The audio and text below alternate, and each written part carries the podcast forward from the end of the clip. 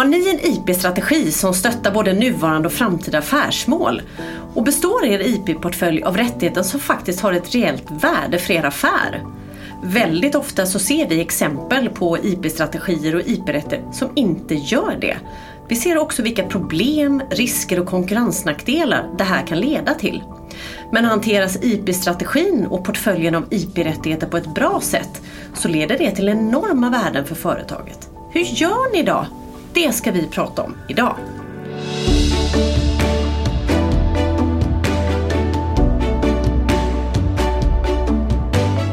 Hej och välkomna till IP-kompassen. Podden för dig som är IP-ansvarig, R&D-chef, bolagsjurist, VD eller bara intresserad av immaterialrätt. I den här podden så vill vi bjuda på nya infallsvinklar, våra egna erfarenheter och dela med oss av vår kunskap inom immaterialrättsområdet. Jag heter Anna-Maria Lagerqvist Kahn. Jag är jurist och arbetar som expert inom immaterialrätt på advokatfirman Vinge. Och med mig här idag har jag min kollega Alexander Lindeberg som är advokat och specialist inom immaterialrätt och arbetar på vårt Göteborgskontor. Hej Alexander! Hej Mia! Kul att just du ville komma hit idag. Ja, men jag känner att det här ska bli riktigt roligt att få sitta ner en stund med dig och bara prata lite IP-strategi. Precis! Men du Alexander, varför skulle du säga att det är viktigt med en IP-strategi? Ja, men för dig och mig som jobbar med immateriella rättigheter så är det ju uppenbart att det här utgör ju i princip den största delen av ett företagets värde. Och jag menar, varför ska man inte ta hand om och kontrollera företagets största värde på ett adekvat sätt? Och det betyder ju att de tillgångar som man har, de måste ju stötta bolagets affärsmodell. Man kan ju inte hålla på och gå och registrera rättigheter som inte skyddar bolagets produkter eller tjänster. Det är ju både ja, men, dumt och ineffektivt och dessutom kostsamt. Men vad är det då som kan hända om, om man har då en IP-strategi som, som faktiskt saknar koppling till affärsstrategin? Vad, vad kan det få för konsekvenser? Ja men det blir ju precis detta och det här är inte bara något jag säger utan undersökningar visar ju att det kan bli så illa att bara 10% eller till och med mindre av ett företags immateriella tillgångar står för nästan till hela värdet av IP-portföljen. Känns ju väldigt sårbart. Men, men vad hade det inneburit så här rent konkret då?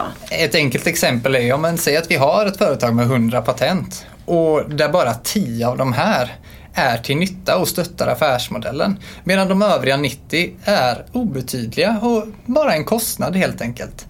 Så vill ju ingen ha det. Nej, verkligen inte. Vad är det en, en bra då IP-strategi ska innehålla och, och, hur får man den här IP-strategin att faktiskt vara då i överensstämmelse eller stötta den, även den framtida då affärsstrategin? Vad ska, man, vad ska man tänka på? Ja, men här tycker jag att vi ska börja med själva IP-portföljen. Alltså de varumärken, patent och design som företaget har till skydd för sina produkter och tjänster. Ett första tips kopplat till detta det är ju att satsa på fler IP-rättigheter av ett högt värde. Alltså vi ska undvika den här situationen som vi nyss nämnde där vi bara har de här 10 patenten av 100 då som står för nästan hela IP-portföljens värde.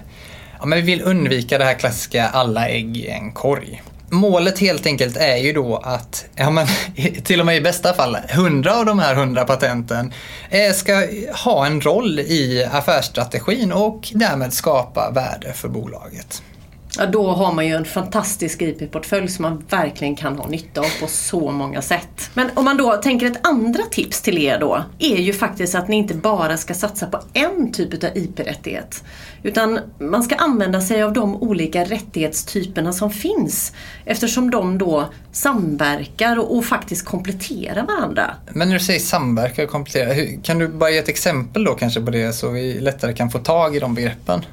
Ja, ja, alltså självklart. Jag tänker så här, eh, olika IP-rättigheter skyddar ju olika aspekter eh, av en produkt till exempel. Och, och, de har ju också olika lång giltighetstid. Det är ju så här uppenbara olikheter. Om man, om man bara som ett exempel tar din klocka Alexander, snygg förresten. Eh, I den skulle vi kunna hitta exempel på alla typer av rättigheter som vi pratar om här då som, som bör finnas med i IP-portföljen. Den tekniska lösningen till exempel kopplat till urverket i din klocka skulle kunna skyddas som patent. Eh, Medan själva låset, eh, armbandet och även utseendet på klockan som en helhet skulle kunna skyddas genom en designregistrering, alltså ett rent utseendeskydd. Mm. Och det här designskyddet då, det, det kompletterar ju patentet och innebär i praktiken faktiskt att man inte bara då kan hindra konkurrenter från att använda samma tekniska funktion i urverket utan man kan också hindra dem från att ha samma utseende på klockan. Så det är ju väldigt effektfullt. Patent och design pratar vi om nu. Precis. Men om vi tänker oss då eh, ett varumärke, hur kan vi använda det då i förhållande till de här två? Om vi tänker på, på klockan igen. Jo men alltså alla produkter och tjänster som säljs brukar ju säljas under någon form av namn eller logotyp. Och om man då registrerar skydd för till exempel ett ordvarumärke eller någon logotyp så kommer det här varumärket då och skyddet för det att löpa parallellt med patentet och med designen.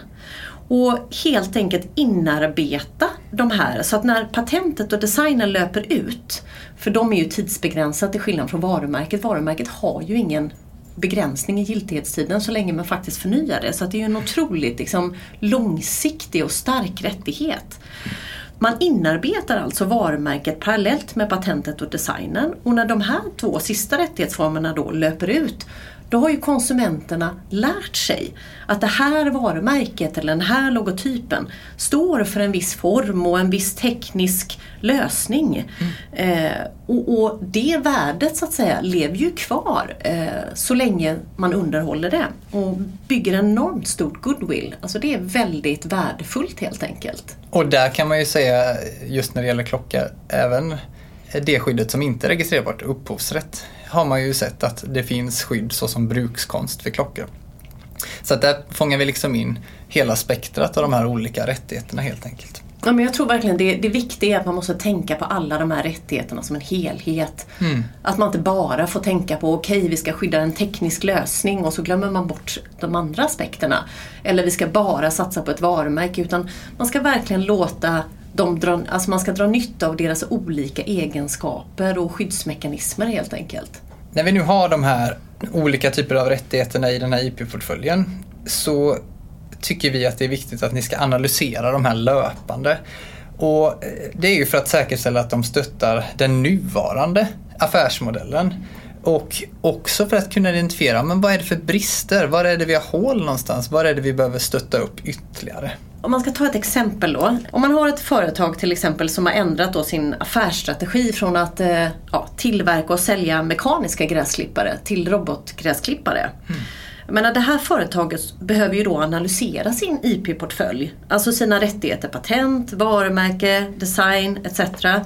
Samtidigt som man diskuterar den här nya affärsstrategin då att gå över till robotgräsklippare. Och, och gör man det, eller hade man gjort en sån analys så hade man ju ganska snabbt förmodligen insett att man saknar ensamrätt för den här nya teknologin som krävs då för robotgräsklippare. Eh, och att de här till exempel befintliga varumärkena deras skyddsomfång kanske inte täcker den här typen av nya uppkopplade produkter. Och då, då hade man ju haft möjlighet att agera och, och, och stärka IP-portföljen och täppa till de här hålen omedelbart och, och då säkerställa att man faktiskt har en IP-portfölj med rättigheter som, som stöttar den här framtida affärsmodellen. Precis, den, den framtida affärsmodellen det är ju precis det man också ska ha i åtanke för att det är ju löpande, det återkommer ju hela tiden. Så fort vi utvecklar affärsmodellen då ska vi också utveckla eh, vilken typ av skydd vi har för rättigheterna. För vi måste se till att de matchar helt enkelt. Och då tycker vi att ja, men, en årlig genomlysning är någonting man åtminstone ska se till att ha i ett tvärfunktionellt forum där man blandar in fler eh, parter hos företaget för att få den här helhetsbilden helt enkelt.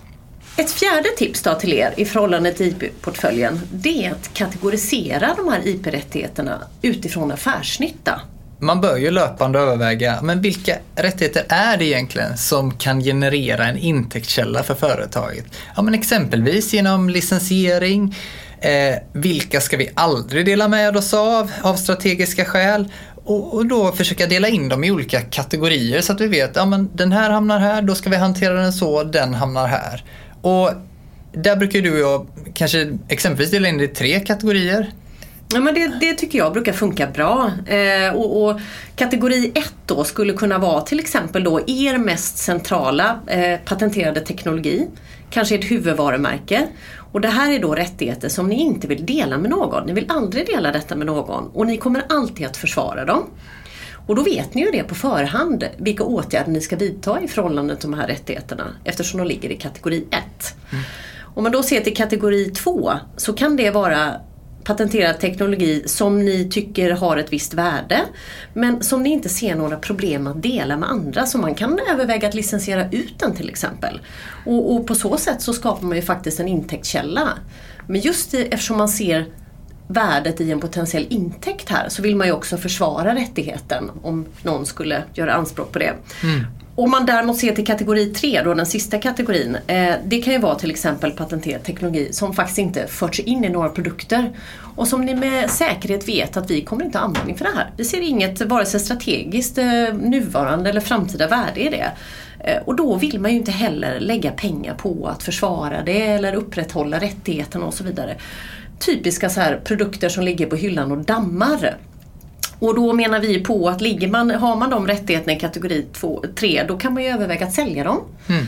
Eh, och att man inte ska lägga massa resurser på att försvara de här rättigheterna. Det är ju helt onödigt. Inte sagt nu att det måste vara precis tre, rättigheter, eller Nej, tre kategorier. Men man ska, man ska dela upp det och man ska ha koll på de här olika och ha olika steg helt enkelt när man gör det ena eller det andra beroende på rättighetens betydelse för affären. Och då blir det ju himla lätt för er att ta beslut också alltid. Det blir inga konstiga ad hoc-beslut utan ni vet varför ni tar de besluten ni gör och vilket strategiskt värde de har. Det känns ju väldigt skönt i de tillfällena när man är stressad och ska göra saker snabbt. Att det är en... det, absolut. Men om vi tittar vidare då. Utöver de här IP-rättigheterna så är ju en annan viktig del utvärdering av ens konkurrenter.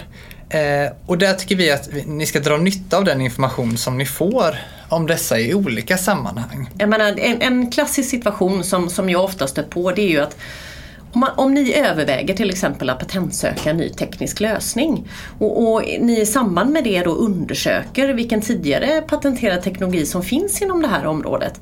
Jag menar, då kommer ni troligen upptäcka att en konkurrent eller flera konkurrenter har patenterat mycket inom det här området. Och Det här är ju en väldigt värdefull kunskap. Och med den här kunskapen om vad era konkurrenter faktiskt har skyddat och hur de har utformat sina patentansökningar och patentkrav så kan ju ni anpassa er egen patentansökan för att få ett så starkt skydd som möjligt i förhållande till de här tidigare rättigheterna. Så det, det har ju ett enormt strategiskt värde den här informationen som, som vi upplever att man ofta glömmer bort det där är ju superviktigt det som du säger. Men om man ska konkretisera det ännu mer, har du något tydligt exempel hur man skulle kunna beskriva den här situationen? Ja, eh, ett vanligt exempel är, eh, låt säga att man har sin största konkurrens i USA, stor marknad. Eh, och, och, det är troligt att till exempel de här patenten då som, som han har skyddat, som man har registrerat, om det är troligt att de kommer att behöva användas inom ramen för en tvist i USA till exempel, då bör patentansökan och kraven i patentansökan utformas med det här i åtanke redan från början. För då har man ju en strategisk fördel när man väl hamnar i den här tvistesituationen.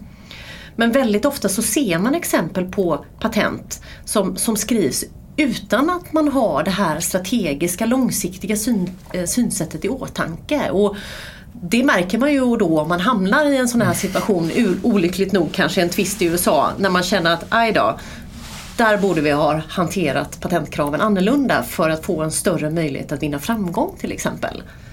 Ja, man vill ju verkligen inte hamna i en patenttvist i USA. Det känner jag ju direkt att då behöver man ju tänka till innan. Så, att man... så är det. Ja, men om vi då eh, lämnar själva konkurrensdelen, alltså tittar på ens konkurrenter så har vi även den här delen av immateriella tillgångar som vi kallar för know-how. Vad, vad, kan vi säga om det? Varför är det viktigt för en IP-strategi? Ja, men alltså det, det, första man måste ha klart för sig det är ju faktiskt att know-how är ju inte direkt knutet till det immateriella rättighetsskyddet. Så att det finns ingen registrerbar skyddsform för know-how så som det gör för jag menar, rättigheter som jag nämnt tidigare, varumärken, patent, design. Så att trots att know-how då ofta besitter det ett jättehögt värde så är det väldigt svårt att skydda det. Jag menar, det här har ju ett väldigt högt värde och det beror ju på att det är färdigheter och kunskaper som är användbara för ett företag. Alltså det kan ju vara allt från en affärsidé till interna processer och metoder. Eh, alltså det är en del av företagets humankapital som gör att man optimerar sin affär. Man arbetar mer effektivt och det leder till ja, men, stora vinningar för företaget. Och, och jag menar, hur ska man då göra för att skydda sin know-how? Det kan ju till och med vara så att man av strategiska skäl väljer att inte patentera någonting för att man vill inte att den informationen ska bli, bli publik. Och då har man egentligen bara know-how och eventuellt företagshemligheter att luta sig mot då, som någon form av skydd. Men, men hur, ska, hur ska man då skydda det när det inte går att registrera? Ett angreppssätt som, som vi ser och som man får använda sig av helt enkelt. En, en annan metod det är ju helt enkelt att förlita sig på avtal. Mm. Men också att man har rutiner och policies på plats i den egna organisationen för att säkerställa att alla som jobbar så att säga, i företaget vet hur man hanterar frågan om know-how och vad det är som gäller där helt enkelt. Jag menar avtal, så det uppenbara är ju anställningsavtal till exempel och se till mm. att man har bra skrivningar där i, i, relation till frågan om know-how. Även sekretessavtal måste man ju använda sig av i olika sammanhang. Man kan också tänka sig att man har konkurrens och värvningsförbud i anställningsavtalen till exempel. Det är ju några sätt att säkerställa då att man skyddar sin know-how. Där kan man ju också lägga till att i de här tiderna av hemarbete så får ju även den här dimensionen av IT-säkerhet och vem som får tillgång till vilken information en extra bäring. Även om det också är viktigt i övrigt så särskilt nu i de här tiderna. Men när man tittar på know då rent erfarenhetsmässigt så är det ju alltså teknikintensiva branscher är ju särskilt utsatta här. När man har en hög personalomsättning och då löper man ju stor risk att ja, men en person bara går ut genom dörren och så försvinner någon helt enkelt. Det är ju inte bra. Nej, det är ju verkligen inte bra och därför så brukar vi säga att här har ju HR en väldigt viktig ställning också. Att man har rutiner vid anställningens start och vid upphörandet. Och att man då blir informerad om att det är så här vi hanterar information här på det här och det här sättet. Och att sekretessbelagd information och know det ska behandlas som en, ett stort värde i bolaget och inget som man sprider vind för våg. Helt rätt. Och för att sammanfatta så är det alltså bland annat följande saker som ni ska tänka på i förhållande till er IP-strategi och er IP-portfölj. Den ska ligga i linje med företagets affärsstrategi och IP-strategin den ska stötta både er nuvarande och er framtida affär. Er IP-strategi ska innehålla fler olika delar. En del av detta är IP-portföljen. Och vad gäller denna så ska ni satsa på fler IP-rättigheter som har ett högt värde. Ni ska låta dessa samverka och komplettera varandra och ni ska analysera dem löpande och kategorisera utifrån affärsnytta. En annan del av er IP-strategi ska vara att använda information om konkurrenter. Dra nytta av den informationen ni får om era konkurrenter i olika sammanhang och använd den strategiskt till er fördel. Och till sist, skydda värdet i know-how. Se till att ha avtal och rutiner och policies på plats och involvera även HR. Det var allt för idag. Tack för att ni lyssnade. Ta hand om er så hörs vi snart igen.